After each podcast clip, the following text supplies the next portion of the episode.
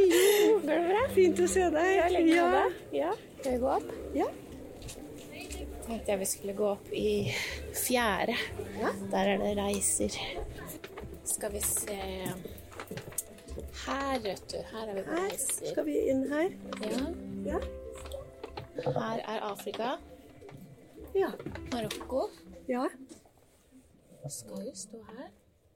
Der. Der er den, ja. ja. Der er det to stykker. Vi tar med oss den ene, da. Ja. Du hører på Deichman-podkasten Utlånt til, der inviterte gjester forteller om en bok som har hatt en spesiell betydning i livet. Jeg heter Madeleine og jobber med program eh, og formidling her på huset. Og dagens gjest det er forfatter Tove Nilsen. Velkommen til biblioteket, Tove. Tusen takk for det. Jeg føler det er litt sånn um, overflødig uh, å presentere deg nesten, for det er jo mange av leserne og brukerne av biblioteket som veit hvem du er. Men jeg tenker at jeg skal gjøre en litt sånn eh, kjapp, dra det kjapt gjennom likevel. Um, du debuterte allerede i 1974 med romanen som jeg syns har, har en veldig nydelig tittel. 'Aldri la dem kle deg forsvarsløs naken', het den. Mhm. Og siden så har det blitt veldig mange flere bøker. Den siste boka du kom ut med, som var en kritikerrost roman, 'Den eneste broren'. Den kom i 2020. Ja. Mm. Eh, og du har jo brukt Deichman mye opp gjennom årene, du Tove, har du ikke det? Noen ganger tenker jeg at jeg vokste opp på Hoved-Deichman, det gamle, eh, som mor tok meg med og hviskeleste høyt for før jeg selv kunne lese. Og da var noe gjort, da jeg skjønte at vi kunne gå ut derfra med bag full av bøker, og vi stjal ikke! Det var stort. Og etter hvert så fikk dere jo Deichman på Bøler også, hvor du vokste opp. Det fikk vi også. Vi hadde først det gamle biblioteket som lå på Bøhlersenteret, og så ble det nye Sverre Fehn-bygget reist, som alle på Bøhler er veldig stolte av. Ja. Det er flott. det, de, de har betydd mye, det òg. Ja, det liker vi å høre. Men akkurat i dag så har du jo kommet for å snakke om en annen forfatter og en annen bok. Um, nemlig 'Stemmene fra Marrakech', som vi var oppe og henta i stad. Den er skrevet av en forfatter som heter Elias Canetti, og ble gitt ut i 1983.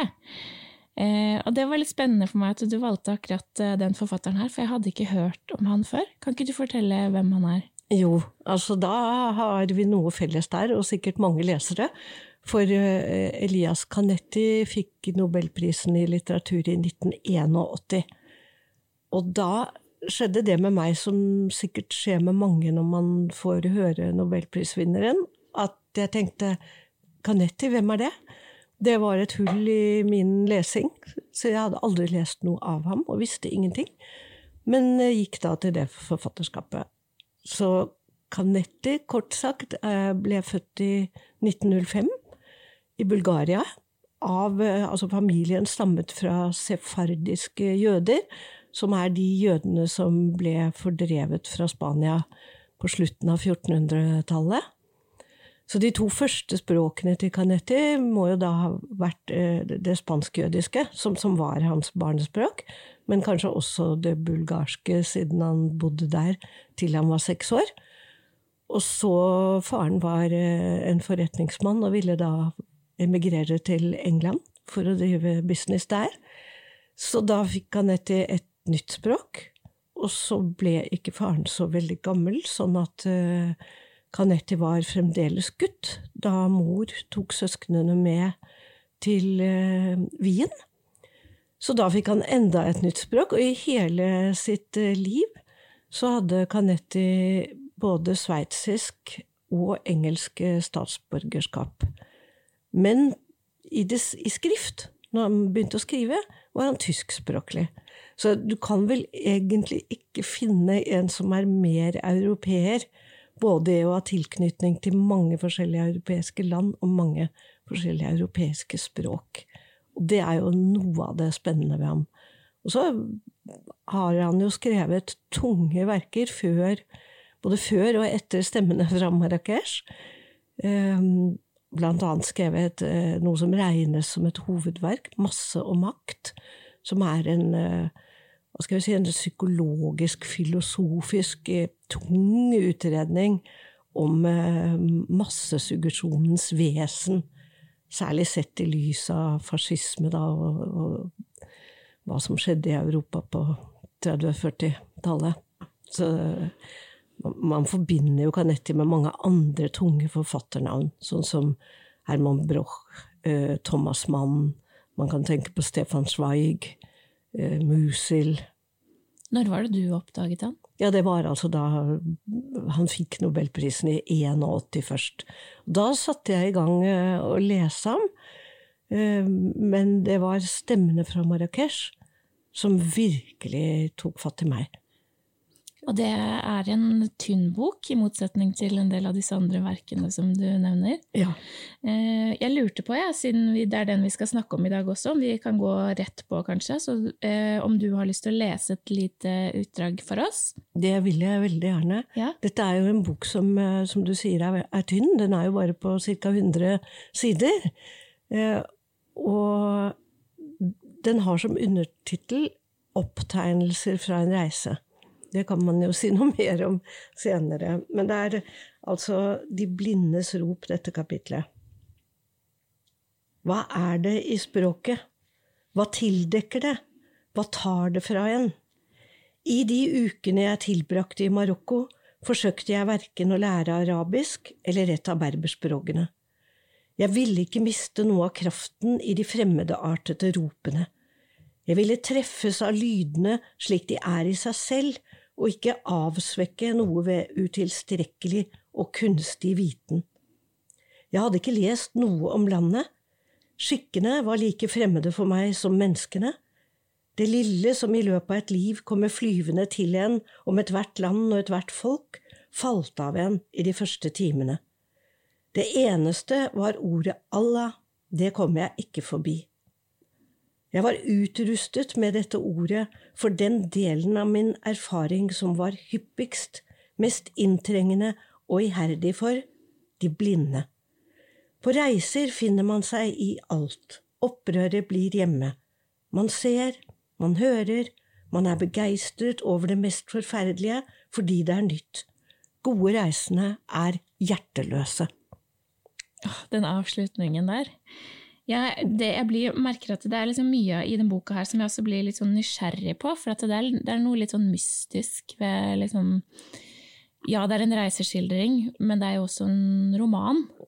Eh, hva legger du egentlig liksom, i det siste uttrykket der? Gode reisende er hjerteløse. Hva mener han med det, tror du? Da jeg leste den første gang, så ble jeg så provosert. Eh, og nysgjerrig, men også provosert. Og tenke nei, det kan ikke stemme. Man reiser jo ikke, man legger jo ikke fra seg hjertet sitt før man drar på en reise. Ofte reiser man jo med masse følelser for både for naturen, landskap, mennesker, skikker. Så det er en av de setningene i denne boka som jeg har grunnet veldig mye på. Jeg skulle så ønske at Canetti levde fremdeles, men det gjør han jo ikke. Han levde jo helt fram til tidlig 90-tall, så man hadde kunnet rekke å spørre ham, i hvert fall jeg. Men eh, det jeg tror kanskje er Men det blir jo bare å tro, da, at eh, når man reiser, må man jo være forberedt på alt som man ser. Man kan jo ikke Det er jo bare på helt bestemte charterreiser at man kan skreddersy en reise for egne behov, men da er det jo mer en ferie og ikke en reise. Mens Canetti går jo da rundt i den marokkanske byen Marrakech en eventyrlig by, og han vet ikke hva som møter ham rundt neste hjørne, og, eller på neste plass. Og det er jo ofte um, ille ting, uh, ting som gjør noe med følelser, så kanskje mener han at man må bare gå der og lytte og se og ta det inn. Kanskje er det noe så enkelt som at han mener at man ikke kan uh, stenge av det som er ubehagelig? Eller kan det enda mer hende at han faktisk går lenger og tenker at, at, at man blir et slags vandrende blikk? Det uttrykket har jeg stjålet fra ham. Eh, at man blir rett og slett to øyne som vandrer rundt og ser. Og at man må stenge av sine egne følelser for det man ser, hvis man vil oppleve det. Tove, nå vet jeg jo litt måte fra før hva som skjedde da du først leste den, men kan ikke du fortelle hva, eh, hva gjorde du etter at du leste boka første gang? Jeg gikk rett og slett det var eh, ned på Karl Johan, eh, til det som het Bennett reisebyrå. Den gangen satt man jo ikke og bestilte hjemme på maskinen sin, og kjøpte billett til Agadir i Marokko, og fløy dit. Og dro derfra med buss til Marrakech, og leide meg inn der. Og forsøkte å gå opp eh, rutene denne boka beskriver. Altså, så jeg innbilte meg jo da at jeg gikk i Canettis fotspor. Sånt har jeg som pasjonert leser gjort flere ganger i mitt liv. Og ofte så blir det jo om ikke mislykket, men du kommer jo ikke i kontakt med den forfatteren om du aldri så gjerne skulle ønske det. Men fordelen med denne gangen å reise etter en forfatter, det er jo at Marrakech forandrer seg jo ikke så fort som andre byer gjør. Så jeg så det samme, mye av det samme Marrakech som Canetti så, og dermed kunne jeg gjenkjenne mye. Og også dette med de blinde tiggerne som står på bestemte plasser sammen og påkaller Gud i den hensikt å få noen småmynter. Og denne, apropos stemmer, da, eh, stemmene, så er dette en stemme som er vanskelig å glemme, fordi det blir denne gjentagelsen av Allah. Det blir en, som en slags sang. Og et sted i denne boka så skriver jo Canetti at de påkaller Gud, men de påkaller kanskje også Gud i seg selv, og Gud i den som kanskje skal gi penger til dem. Så det er veldig vanskelig å glemme akkurat det. Hvor lenge ble, ble du i Marokko? Jeg var der i to-tre uker, og noe så eh, enkelt, eller lite, som at i det første kapitlet om eh, kameler, så er jo Canetti veldig nysgjerrig på kamelene. Og, og syns de er veldig både frastøtende og tiltrekkende. Han er sammen med en engelsk venn og påpeker overfor vennen at ser du ikke at de ligner på landsmennene dine? De har ansikter. De ligner på hevngjerrige gamle tanter. Og den andre engelskmannen ser det, at ja, det er faktisk min tante, det der. der.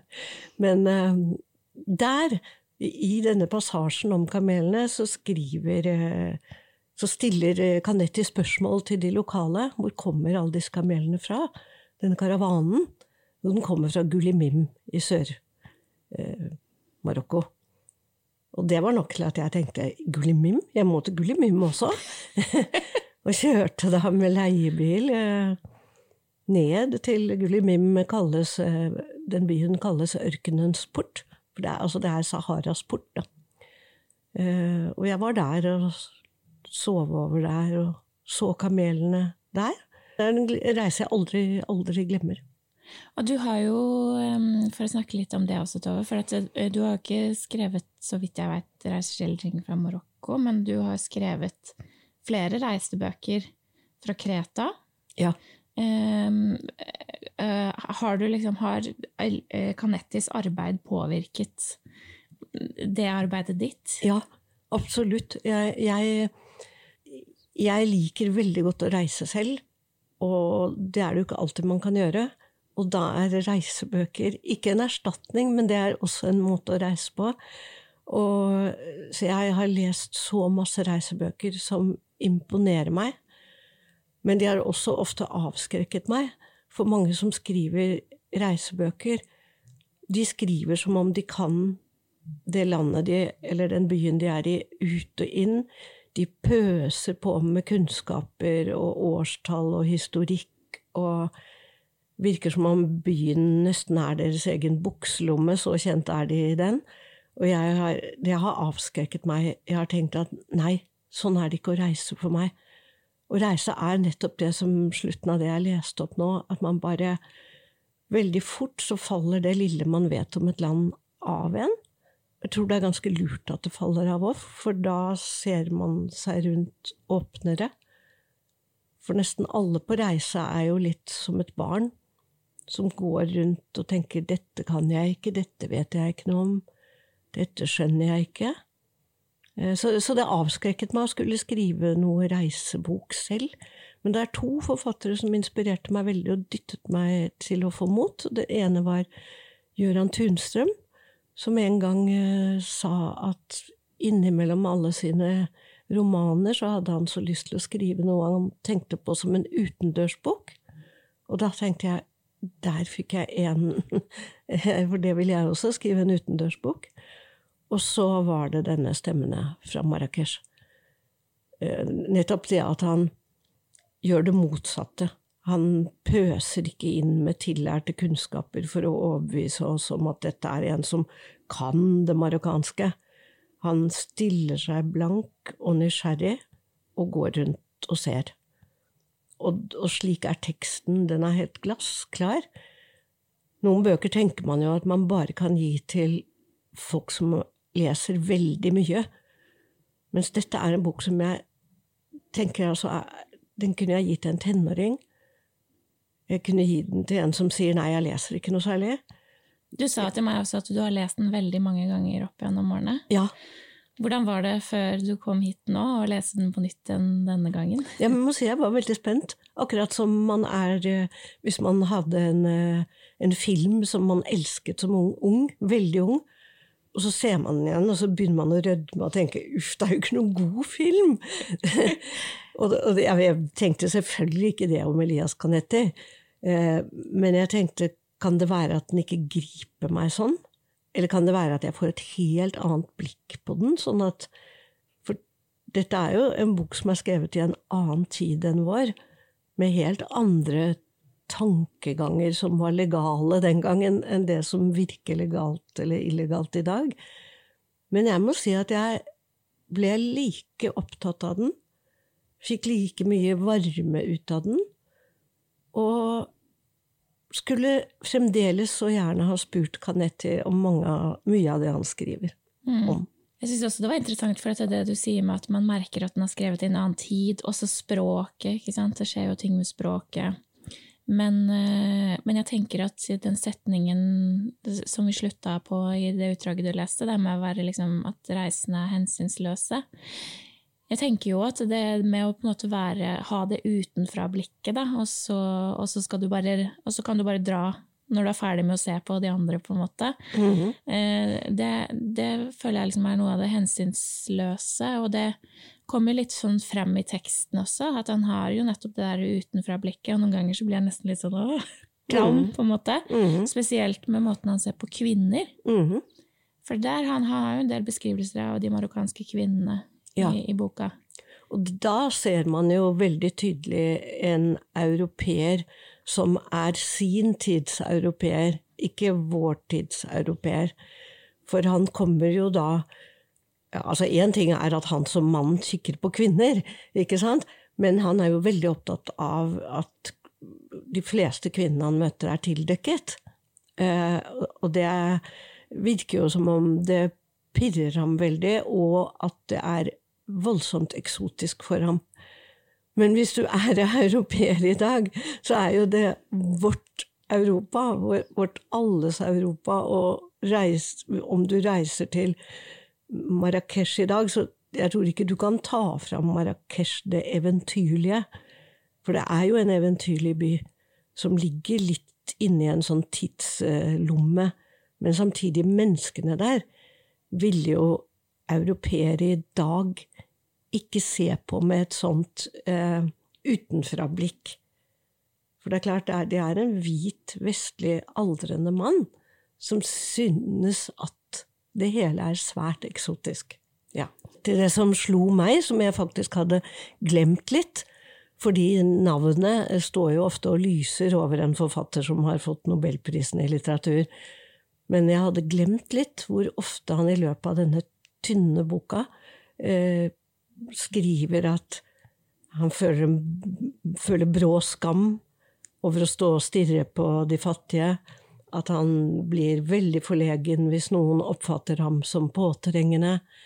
Men at han likevel er så nysgjerrig at han prøver alt han kan å få komme inn i et marokkansk hjem.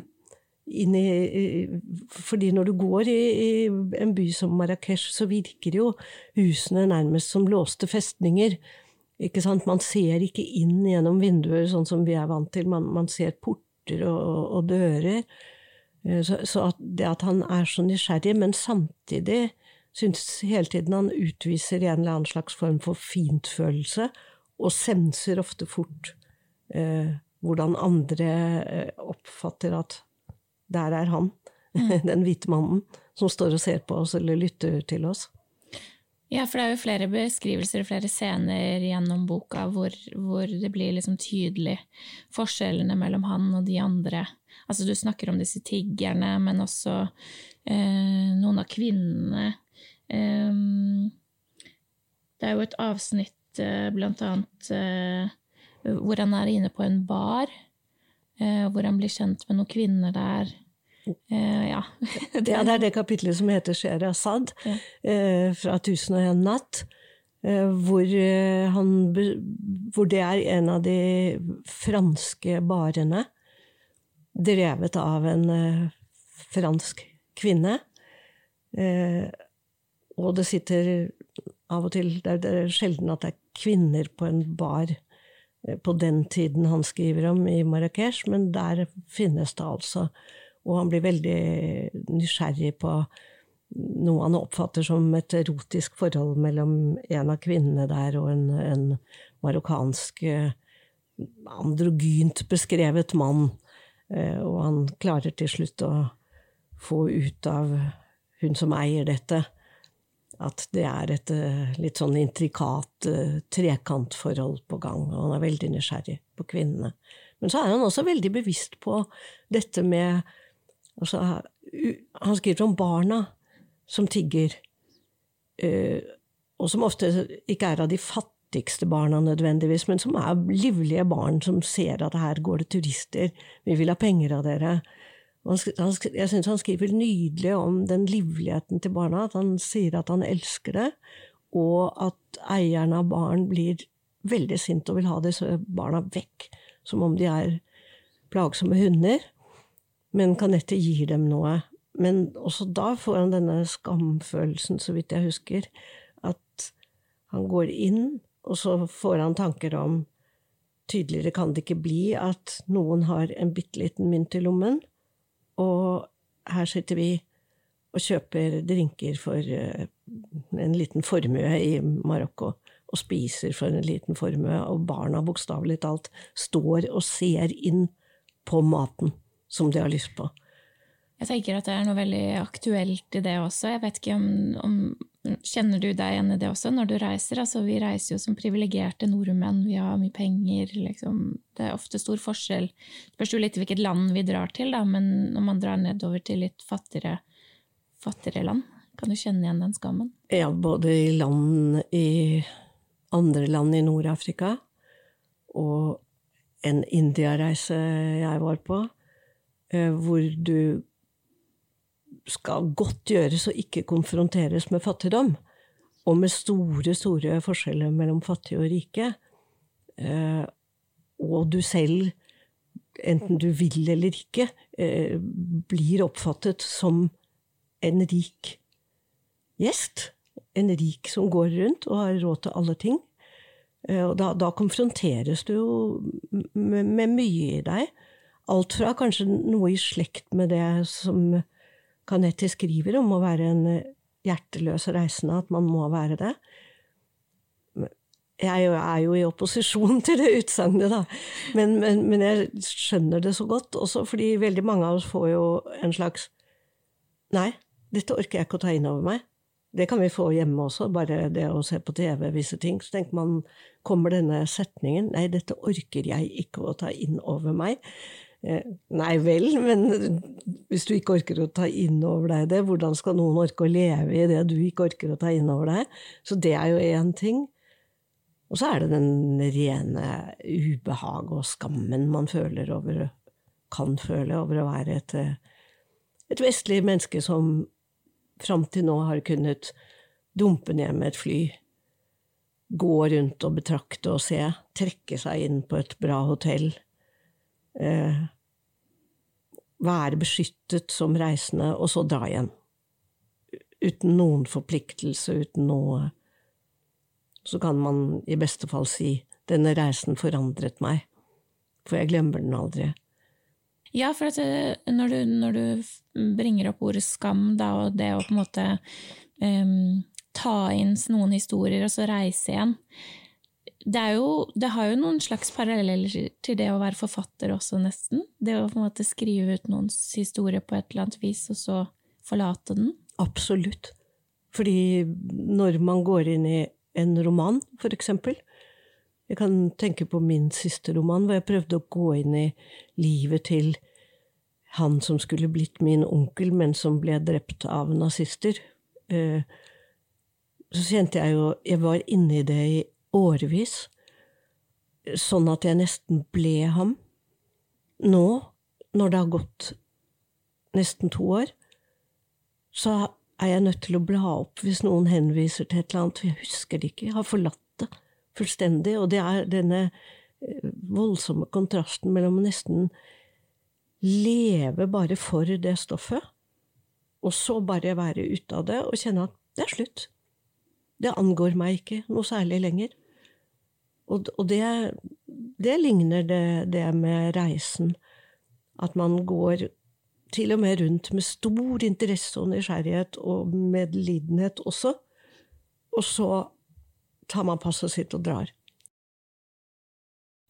Jeg tenker helt til sist så har jeg litt lyst til å uh, snakke litt med deg om det siste kapitlet, eller det siste avsnittet, for det, det syns jeg er litt mystisk. Uh, ja. Det heter De usynlige, gjør det ikke det? Ja. Det som er helt til slutt. Det er jo bare noen Den usynlige ja, heter det. Mm. Det er jo bare noen sider. Mm. Og det er det jo om en av plassene i Marrakech hvor det pleier å myldre mennesker og foregå veldig mye, og så ser han en bylt.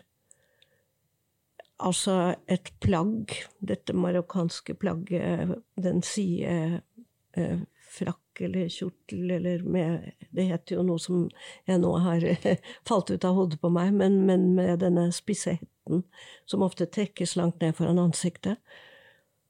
Det ligger der som en bylt med en skapning inni, eh, som antagelig, det tror i hvert fall Canetti, vil si denne besvergende Allah, Allah, Allah, men fra denne skapningen kommer det bare A, A, her må jeg skyte inn at dette er Canetti som vestlig så opptatt av, altså denne besvergende måten å bruke Guds navn på, at han forteller jo at når han kommer hjem tilbake til leiligheten sin i London, så setter han seg på gulvet med korslagte ben og prøver å komme inn i denne Allah-rytmen for å forstå mer av hva hensettes du til? Hvis du sier dette om igjen og om igjen og om igjen, kommer du nærmere noe hellig, eller er det noe annet meditativt? Så han er jo veldig opptatt av dette, og så ser han altså den bylten som bare lager en eneste lang sammenhengende A, A, A. Første bokstav i vårt alfabet. Og så lurer han sånn på hva, For han vet jo ikke Er det et barn? Er det en mann? Er det en olding? Han regner med at det er en mann, men om det er en, skadet person, en eh, forkrøblet person som man tenker, hva, hva er det som ligger der?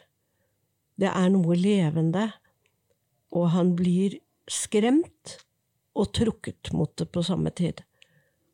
Og der må det jo i hvert fall ligge skam. For da, da, trekkes du mot noe som kanskje er helt hjelpeløst. En som kanskje er helt hjelpeløs.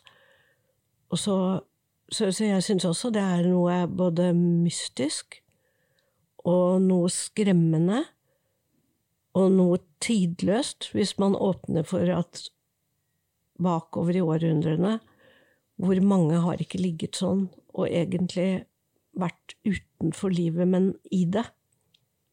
Og så skriver han jo da noe om at kanskje det vesenet som ligger der, lever for oss alle. Eh, så, så, det han slutter av med, denne, denne, litt rare avslutningen, det er jo at han bruker ordet 'den'. Bare det er jo veldig vanskelig uh, å lese. Har man lov til det? Er det en del av det hjerteløse? At han skriver 'kanskje hadde den ingen armer å gripe etter myntene med'. Kanskje hadde den ingen tunge å forme L-en i Allah med. Og Guds navn forkortet seg for den til A. Men den levde og sa sin eneste lyd med en flid og iherdighet uten like, sa den time etter time, til den var blitt den eneste lyden på hele den vidstrakte plassen, den lyden som overlevde alle andre lyder. Og jeg syns òg det er vanskelig å forstå, for hva er det han sier når han slutter av på den måten? Er det at han går inn i en veldig ydmykhet, eller er det hjerteløshet? Er ydmykheten at han ser at den skapningen der, det, den blir den eneste skapningen på hele plassen som fortjener bokas slutt, og som fortjener forfatterens blikk, leserens blikk og, lyt, og øre? Er det det, eller er det noe mer ugjennomtrengelig og uforklarlig? Det får vi vel kanskje aldri svar på, siden Kanette ikke er med oss mer. Jeg tror vi avslutter i hvert fall denne samtalen på den eh, noten. Og så da kan vi jo i hvert fall varmt anbefale boka til alle brukerne i biblioteket vårt. Eh, Tove, tusen takk for samtalen og for at du tok deg turen hit. Og tusen takk for at jeg fikk komme hit og snakke om Kanette. Det hadde jeg gledet meg veldig til.